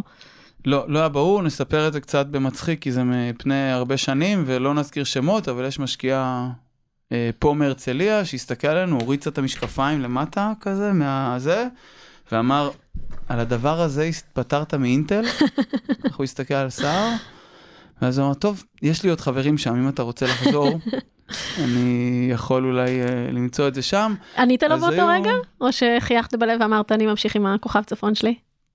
היה לנו יום uh, מורכב, סיימנו אותו על uh, יאכטה במרינה, כמה בירות והרבה קללות. אלכוהול uh, חוזר פה כ... כחוט השני, גל. ללא ספק. ללא ספק, זה חלק מההצלחה של אוגורי. אלכוהול וספורט, נראה לי איזשהו שילוב, uh, שילוב מנצח. אבל לא לנהוג אחר כך. לא לנהוג אחר כך ולא בבוקר. ולא אם בבוקר. יש יזמים שצריכים עצה אחת, לא שותים אלכוהול לפני הצהריים, אלא אם כן אתה בחופש. It's always 12 o'clock somewhere. כן, בדיוק. אז אוקיי, אז אותו משקיע אמר לך, תחזור לאינטל? לסער. לסער, סליחה. אבל זה לא שינה. אז אני אומר, זה לא היה טריוויאלי בהתחלה, בעצות על זה גם להיות אה, יחסית קרוב לשוק. אני חושב שזה חשוב, אז אני לא יודע איך זה יעבוד היום עם הקורונה, אבל בשבילנו לנסוע לארה"ב לתקופות יחסית ארוכות היה כן משמעותי, גם כדי ליצור traction וגם כדי ללכת דרך. לא יודע אם זה עצות כזה בשקל, אבל להתייעץ מלא. אני חושב שלנו, לא יודע אם זה היום יותר באקסלרטורים, פחות באקסלרטורים. כל החומר של ההתחלה שם, וכמה אתה פתוח ללמידה בתור אה, בן אדם, ואחר כך בתור יזם. ללרנביליות. כך... כן, זה כאילו מין הנחה שמה שאתה בא איתו בתור הסט כלים הראשוני הוא, הוא התחלה טובה, אבל כזה, you know nothing, ג'ון סנואו. נכון? זה כזה... אין לך מושג וזה תהליך למידה רצוף גם על עצמך, גם על השותפים שלקחת לדרך, גם על החברה שאתה בונה. אה, נקודת הפתיחה שלך היא אחלה, או שלך, ומשם להיות בלמידה מתמדת נראה לי חשוב ודרמטי, ו-to put yourself out there. אני חושב שללכת למשקיעים האלה, לדבר איתם, להקשיב, לא להקשיב ולהגיד, טוב, מטומטמים, לא מבינים אותנו, אלא mm-hmm. להקשיב למה אמרו לך ואיך זה יכול להשתנות, ו... לנסות משם. אני אולי אתן דוגמה למה אני מתכוון בזה. אנחנו הגענו לאיזה framework באיזשהו שלב שאני לא זוכר בדיוק את העצה ומי אמר לנו, אבל הגענו למצב שאנחנו הולכים to pitch וקלטנו שנוח לנו ללכת לקרנות ביחד. Mm-hmm. בתור יזמים, בטח בשלבים הראשונים, ושר היה מדבר שלוש עד חמש דקות, וממש מבקש שלא יפריעו לו בשלוש עד חמש דקות האלה, ואז עוצר ושואל אותם מה דעתם. ואם חבל על השעה, ואולי כדאי שנקום ונלך. זה פתאום מאפשר, במקום 50 דקות שאכלת למישהו את הראש כשהוא שמע כבר את הסיפור והוא כבר יודע שהוא לא ישקיע והוא רק מחכה ללכת להשתין ולאכול יוגורט, לזה שפתאום יש לו משוב אמיתי, ואם זה משוב שמעניין ואפשר, והשיחה תתקדם מעולה, ואם משוב הוא כזה, אתם לא עוברים את הרף פתיחה, אז עדיף לתת להם חצי שעה לחנוך אותך מאשר להמשיך לדבר עוד חצי שעה. וואו, זו שאלה עם אה, המון אומץ. המון המון אומץ, אה, גם, אה, גם להיות מוכן לתשובה, נכון? כשאנחנו באים לשאול שאלה אנחנו צריכים לקחת בחשבון שתהיה שם תשובה אולי שפחות נאהב, וגם עם המון המון אה, באמת פתיחות ללמידה, כמו שאמרת, איך לדעת אה, אה, לשאוב כמה שאפשר מהצד השני, וגם אתה לא יודע איך, איך יהיה המשקיע בצד השני, איך זה ייפול עליו, איך הוא יאכל את זה. אז יש שם עוד נקודה, נכון מאוד על מה שאמרת, עוד נקודה אחת. רובנו בטח יזמים שבאו מטכנולוגיה, בטוחים שלא הבינו אותם. והם צריכים לדבר עם עוד איזה פסיק, ועוד איזה סוגריים, ועוד איזה פרט ידע. לא, לא, אבל בדיוק לא הבנת את הזה, ובדיוק האלה. more is less בהרבה מהדברים האלה. כאילו, תגיד, תדייק ממש את המסר ותמצא את הדרך להגיד את מה שאתה רוצה להגיד, או את מה שחשוב שידעו בשלב הזה בשלוש דקות, כי יותר מזה גם ככה לא יקשיבו לך. אה, ואיך היו התגובות ל- לשם- לטריק הזה, לתרגיל הזה? זה עבד לכם? אה, אני חושב שעבד לנו ממש טוב, אני חושב שגם למדנו מזה מהר ומלא, וגם זה דייק את המשך השיחה ל, אוקיי, מה הריסק על החברה? בסוף אתה רואה אנשים שפוגשים המון חברות, חלקם אפילו ממש חכמים ועם אינסטינקטים מאוד טובים, ואתה יודע לזהות איפה הריסק על החברה, בין אם אתה פשוט צריך לדבר עליו יותר נכון, לבין אם אתה צריך לעשות משהו אחרת, כי שם רואים את הסיכון, לעומת אתה רואה עכשיו איזה סיכון מקומי, אתה לא מסתכל ממקום אחר, אז זה נורא אפשר לדייק אה, את איפה אנחנו. גם שאני, במה עושים וגם מהמם. בנרטיב. אני, אני שומעת ממך ותגיד לי אם זה נכון, שבכל מערכות היחסים שאתה מתאר מול המשקיעים שפגשת בקרנות מובילות אה, בארצות הברית וגם בישראל, הבאתם המון המון אה, מאוד את עצמכם פנימה, בצורה שהיא יחסית אה, אותנטית ו, ו, ועם ביטחון, לא ביטחון מתנשא או יהיר, ביטחון של אנחנו בטוחים בדרך שלנו, גם אם אין לנו מושג עכשיו בכמה דברים, אנחנו בטוחים שנמצא את הדרך, ואנחנו באים עם ענווה כזאת ולא מפחדים. זה נשמע לך מוכר? זה נשמע לי מוכר, שני דברים על זה. אחד, מה שאני חושב על משקיעים מקצועיים, ויכול להיות שזה אולי טיפה שטחי מדי, הם לא האנשים הכי טובים בטכנולוגיה. בשביל זה יש לך אנשים מעולים בצוות שממש טובים בטכנולוגיה. הם לא הכי מבינים בשוק שלך, בטח כשאתה הולך כזה בהארדוור, AI, אינדסטריאל. כאילו כמה אנשים יש שם שמבינים מספיק כדי להיות רלוונטיים? מעט, אבל הם קיימים. אז הם לא מבינים הכי טוב בטכנולוגיה, הם לא מבינים הכי טוב את השוק שלך, הם לא מבינים הכי טוב איך לבנות חברה אפילו, אבל הם ממש מבינים אנשים, וממש יודעים שמחרטטים אותם. הם, הם שמעו את הסיפור של ה hockey stick וה... whatever, מה שאתה למדת על product market fit, הם שכחו שלוש פעמים עוד לפני שהגעת. אה, וממש טובים בלזהות אנשים ולדייק את זה, וה... חושב שאצלנו לפחות מה שעבד זה formidable כזה. אין לזה גם מילה מעולה בעברית, זה קצת כזה, תביא את עצמך, ואם זה יהיה טוב, זה יהיה טוב, אם זה לא יהיה טוב, אז לא יהיה טוב, אבל אין, אין שם... איזה איזה, כאילו, להביא את זה, כאילו, אתה יודע, להסתכל על זה כמו, כמו שזה, כמו שזה הכי טוב שאתה יכול. כן, אני חושב שרוב הזמן ידעו להריח מעבר לשקרים שלך, אנשים שעושים את זה כל היום. בחייאת, אתה יזם פעם ראשונה, הם חיות של זה 20 שנה, לפחות כאילו במעמד, תביא את עצמך עם הריסקים, עם מה שאתה חושב שדפוק, עם מה שלא עובד. הם יעריכו את האותנטיות. וידעו לעזור לך שם גם, מהמם. גם אם הם ייכנסו וישקיעו וגם אם לא. אחד, אה, אחד היזמים שאני עובדת איתו, בדיוק אה, ככה שיתף השבוע, ש... שהייתה לו איזושהי פגישה מאוד מאוד חשובה וקריטית, והוא פתאום ככה נלחץ מאוד מאוד מאוד לקראתה. והוא יודע, והוא יודע את הכל וכולי, הוא מאוד מאוד נלחץ, זה מעמד ככה מאוד מרגש לפני גיוס גדול וכולי.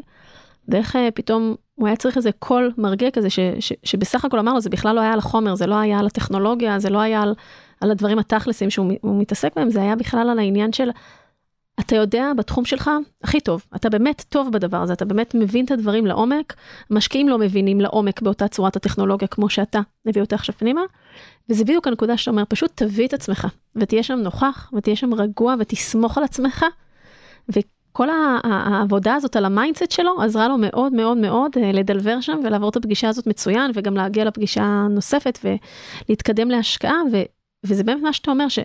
בוא, let's put ourselves out there, אבל הכי כזה אותנטי, אותנטי, מה שאנחנו יודעים, אם זה יעבוד זה יופי, it was meant to be, ואם לא, אז מה למדנו מזה? אה, אני חושב שזה מאוד נכון, אני חושב שיש איזה כוונה אולי של כולנו כבני אדם, אבל בפרט של יזמים כזה שיבינו אותנו. לא, אני צריך להסביר להם עוד יותר על הטכנולוגיה שהם יבינו. הם לא יבינו. הם יבינו שאתה בן אדם שיבין את הטכנולוגיה הזאת ויפתור את זה, זה מה שהם יסתכלו עליו. הם יבינו שאת זאת שתיקח את החברה הזאת ותצליח לשווק אותה וכולם ירצו כי ירצו אותך וירצו לבוא אחרייך ל... למסע הזה. והצורך הזה שיבינו אותנו, שיראו אותנו, הוא קצת שונה. לא יבינו אותך, אבל יצליחו לראות אותך, ואני חושב שאם נצליח, אולי זה נכון גם פנימה לגבי עובדים, אולי זה גם הלקוחות, אבל בטוח עם אה, משקיעים, אם תצליח שיראו אותך ולא שיבינו אותך, או לא שידעו מה שאתה יודע, זה יהיה בסדר. אתה יודע, הצורך הזה שיראו אותנו, שזה באמת אחד הצרכים הכי בסיסיים של כל אחד מאיתנו באיזשהו, באיזה שלב שהוא נמצא, אה, גם אתה כפאונדר ככה מביא אותו החוצה, וזה גם אה, מול משקיעים. ו... ואני רוצה אולי רגע ככה לפני סיום, אם תסכים, אה, שיתפת אותי בהודעה מאוד מאוד יפה ששלחת ל, אה, ל, לכל הצוות שלך, לכל העובדים שלך, שזה היום כבר כמה אנשים? אה, כמעט 200, כמעט 200, ומה התוכניות שלכם עד סוף השנה? אה, בערך 300, אז אה, ממשיכים לצמוח, ממשיכים לגדול, כן. ו... ובעצם שיתפת בהודעה שככה אפשרת, אפשרת לאחרים, אפשרת לחברה אה, לראות אותך אה, בתוך הדבר הזה, וזה נאה דורש, אה, נאה מקיים.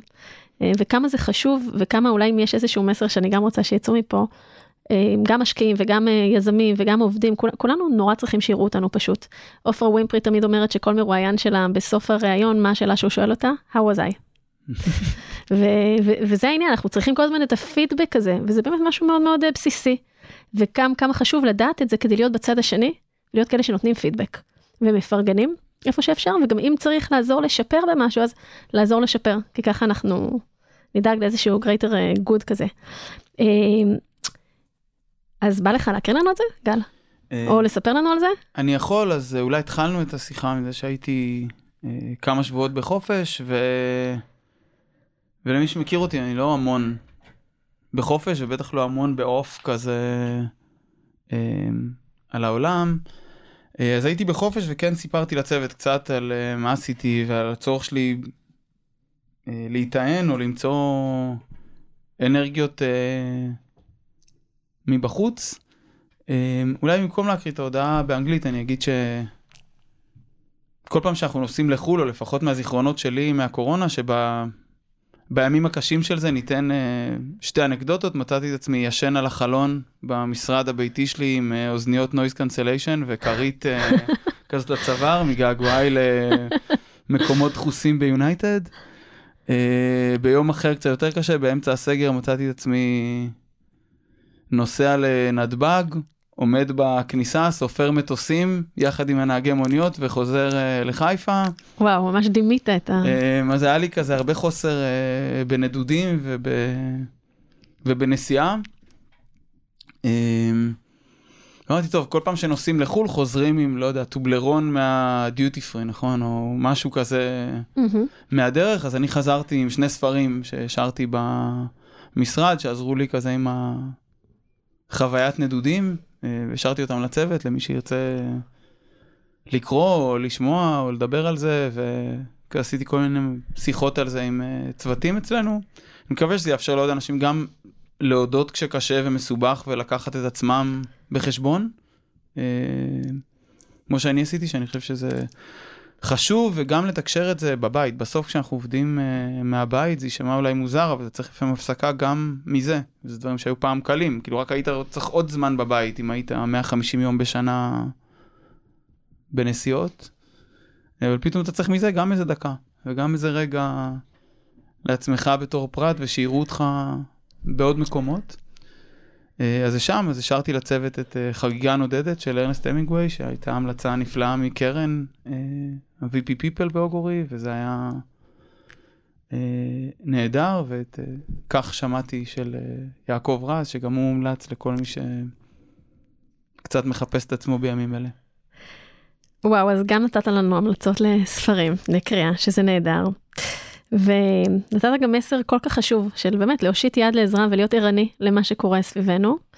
וגם על הצורך הזה בבלנס, שאפילו לפעמים בבית, שזה המקום שאנחנו הכי מרגישים בו בנוח ונורא התגעגענו אליו לפני הקורונה, גם שם לפעמים יכול להיות צפוף, וגם את זה צריך להגיד בקול רם, וזה בסדר, וגם שם חשוב לדעת אה, אה, לשקף ולייצר לעצמנו את המקום, כי זו באמת תקופה כזאת שצריך בהמון המון חזיתות, לראות איך ככה הכל, אה, הכל אה, מתאזן וכל הלוחות כמו איזה לוחות טקטונים הם עובדים טוב ביחד ולא מתחילים לעשות איזה רעידות. וואי גל דיברנו על מלא מלא מלא דברים ואפילו דיברנו על זה שהיית סייף מקצועי וחובל וכאילו יש לי פה מלא דברים שאני יכולה לשאול אותך אולי לפודקאסט הבא. איך היה לך? אה, היה כיף, לא יודע, נכיל את זה אחר כך, תכף נגלה. תכף נדבר על האחרי. תכף נגלה. כן, אז באמת דיברנו על culture ועל יחסים בין יזמים, ואתם עושים את זה כבר עשר שנים, וזה, וזה מצליח. טפו טפו טפו. אה, ועל צמיחה ועל כל הקרנות, ואני מאחלת לכם שתהיה לכם אה, המשך שנה מדהימה וצמיחה מטורפת. אה, תודה רבה שבאת היום, היה לי ממש כיף לדבר איתך. כן, גם לי, תודה רבה. איזה כיף. איפה אפשר למצוא אותך? חלק תקופות טובות. אה, אז אפשר למצוא אותי בחיפה, בין בת גלים לעיר התחתית, זה כל מה שמישור בחיפה. אה, אתה שם. קל למצוא אותי שם, בין החינוך לברים, ל Augury, אה, קל לאתר אותי בחיפה. קל למצוא אותי בלינקדאין. Augury מגייסת תמיד אנשים Augury טובים, מגייסת נכון? אנשים טובים בתקופה הזאת בטח בהמון מקצועות, בארץ גם במקצועות הנדסה וגם מוצר וגם עיצוב וגם אה, תפעול. אז יש לנו פה הרבה דברים אה, ה headquarter נשאר כאן, שקורים. ה headquarter של Augury הוא בניו יורק, בניו יורק. ו sales, marketing, services רובם אה, שם. אנחנו במהלך השנה נפתח גם משרד אה, באירופה, כשיהיה קצת יותר אה, מה לפתוח ומה זה משרד, אבל גם זה מגיע, ואנחנו יושבים בחיפה, על אף שמגייסים בכל הארץ, כי כזה לא כל יום צריך להגיע למשרד. אה, אה, אז זה שם, אבל לי עשית בגדול אני חשק, בן אדם אה, די, אה, די נגיש, אז אפשר לפנות אליי די בקלות. ונשמע שאתם באמת, אה, באמת חברה מדהימה שמאוד אכפת לה מהאנשים שלה. זה, וזה, אני מקווה שיותר ויותר חברות ככה תשים את הפוקוס על הדבר הזה לפני הקורונה, בעקבות הקורונה. תודה, תודה, תודה גל. תודה רבה. למאזינים, אנחנו נשים פסיק עד לפרק הבא, ככה אני גם אומרת ליזמים שלי מסשן לסשן. אם נהניתם, אני ממש אשמח שתפיצו את הפודקאסט ליזמים ומשקיעים שאתם מאמינים שיקבלו ממנו ערך. תודה לאולפנים המשגעים במרכז הבינתחומי, שמאפשרים לי להקליט כאן את כל התוכן החשוב הזה. אתם מוזמנים לבקר באתר שלי בגלי-בלוך-לירן.com ולהשאיר שם את הפרטים שלכם, כדי להתעדכן וללמוד עוד על ההיבטים המנטליים של יזמים, וגם לעקוב אחרי הפודקאסט שלי, Startup Nation Clinic, באפליקציות הפודקאסטים שלכם. שמים פסיק, ניפגש בפרק הבא.